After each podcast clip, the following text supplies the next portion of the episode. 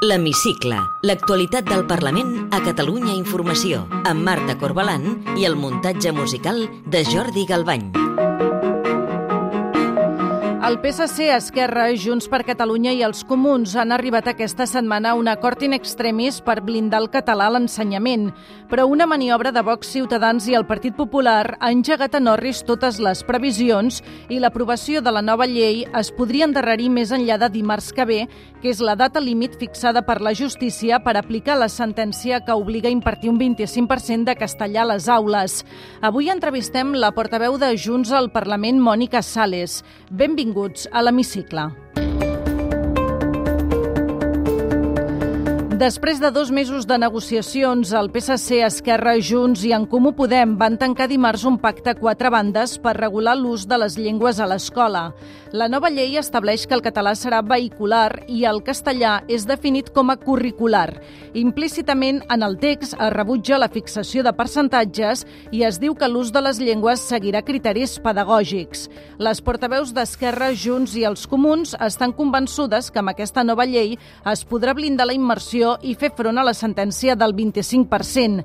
Escoltem Marta Vilalta, Mònica Sales i Jessica Albiach. No permetrem que ens divideixin com a societat per motius lingüístics.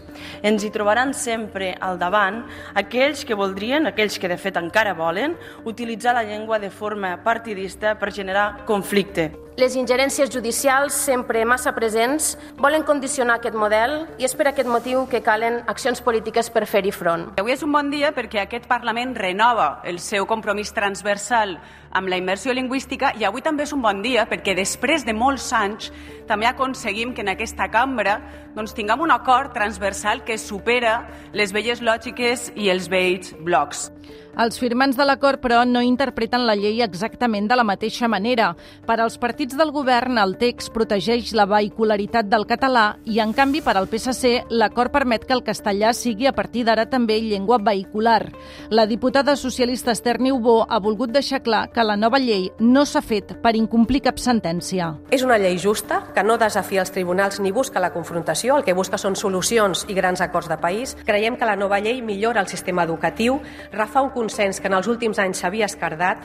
La CUP s'ha desmarcat de l'acord perquè el veu un retrocés. Escoltem la diputada Dolors Sabater.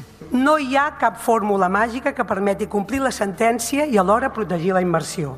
Perquè la sentència, precisament, és contra la immersió.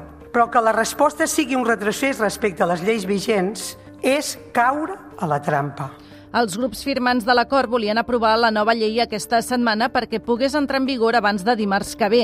Els plans inicials, però, s'han anat a Norris perquè la triple dreta ha portat la llei al Consell de Garanties Estatutàries que té set dies per dictaminar si el text s'ajusta al marc de la Constitució i l'Estatut. El líder de Vox, Ignacio Garriga, ha admès que és una maniobra per aturar-ho tot. És frenar la aprobación ley y forzar a que el, antes del 31 de mayo el gobierno golpista, liderado por Aragonés, tenga que explicar a todos los catalanes cómo y de qué manera va a ejecutar la sentència del Tribunal Superior de Justícia de Catalunya. El líder de Ciutadans, Carlos Carrizosa, i el del Partit Popular, Alejandro Fernández, han focalitzat les crítiques en el PSC i els comuns. El PSC y los comunes, la coalición que gobierna en España, prefiere blanquear el nacionalismo y desautorizar al Poder Judicial. Evitar por escrito el acatamiento de una sentencia con eufemismos y subterfugios es ya pura técnica separatista, señor Salvador Illa. El ple del Parlament d'aquesta setmana també ha servit per fer balanç del primer any del govern de Pere Aragonès.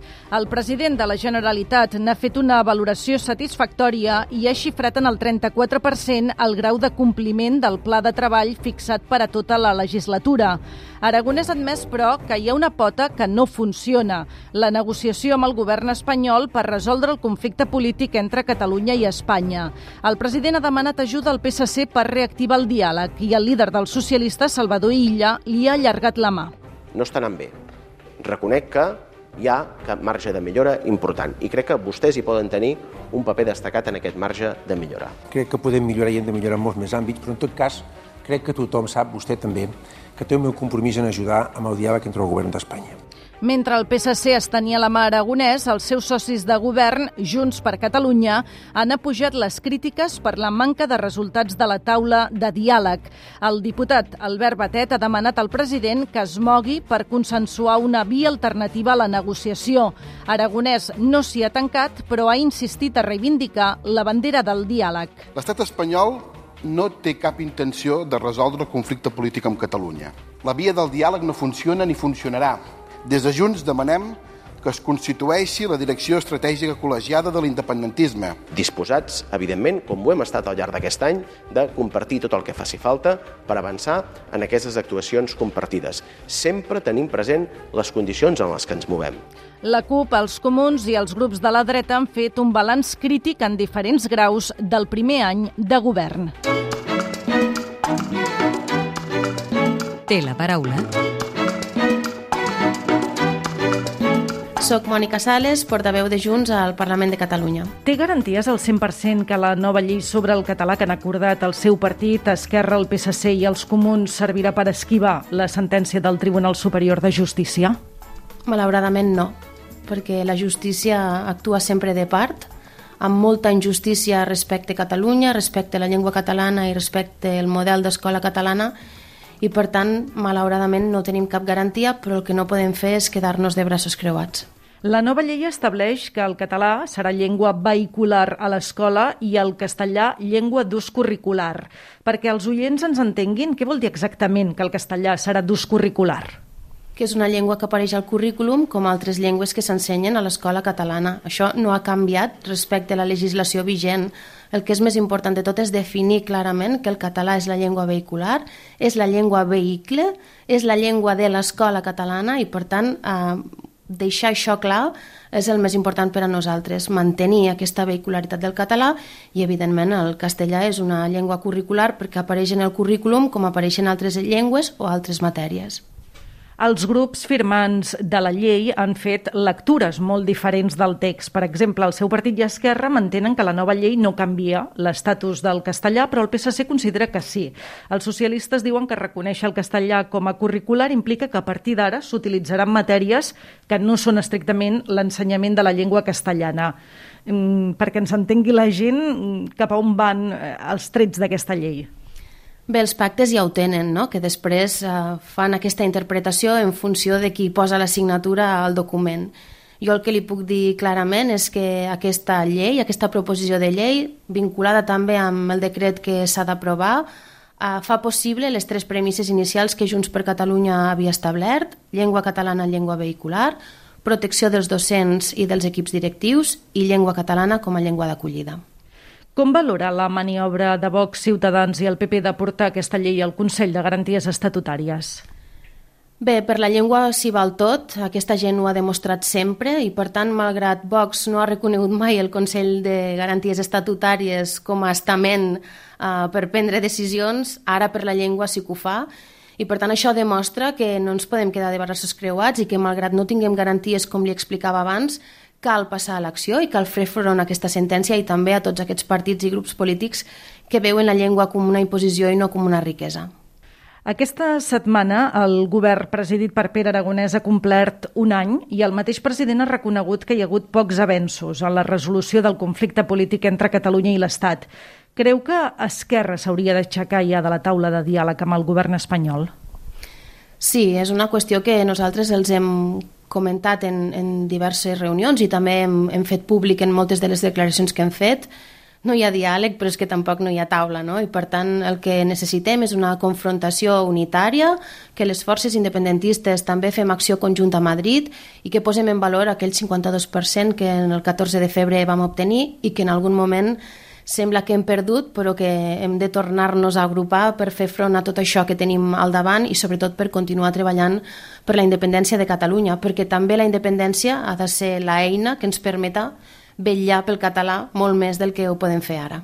Per què un any després encara no hi ha un acord estratègic de l'independentisme per buscar una alternativa a la via negociada?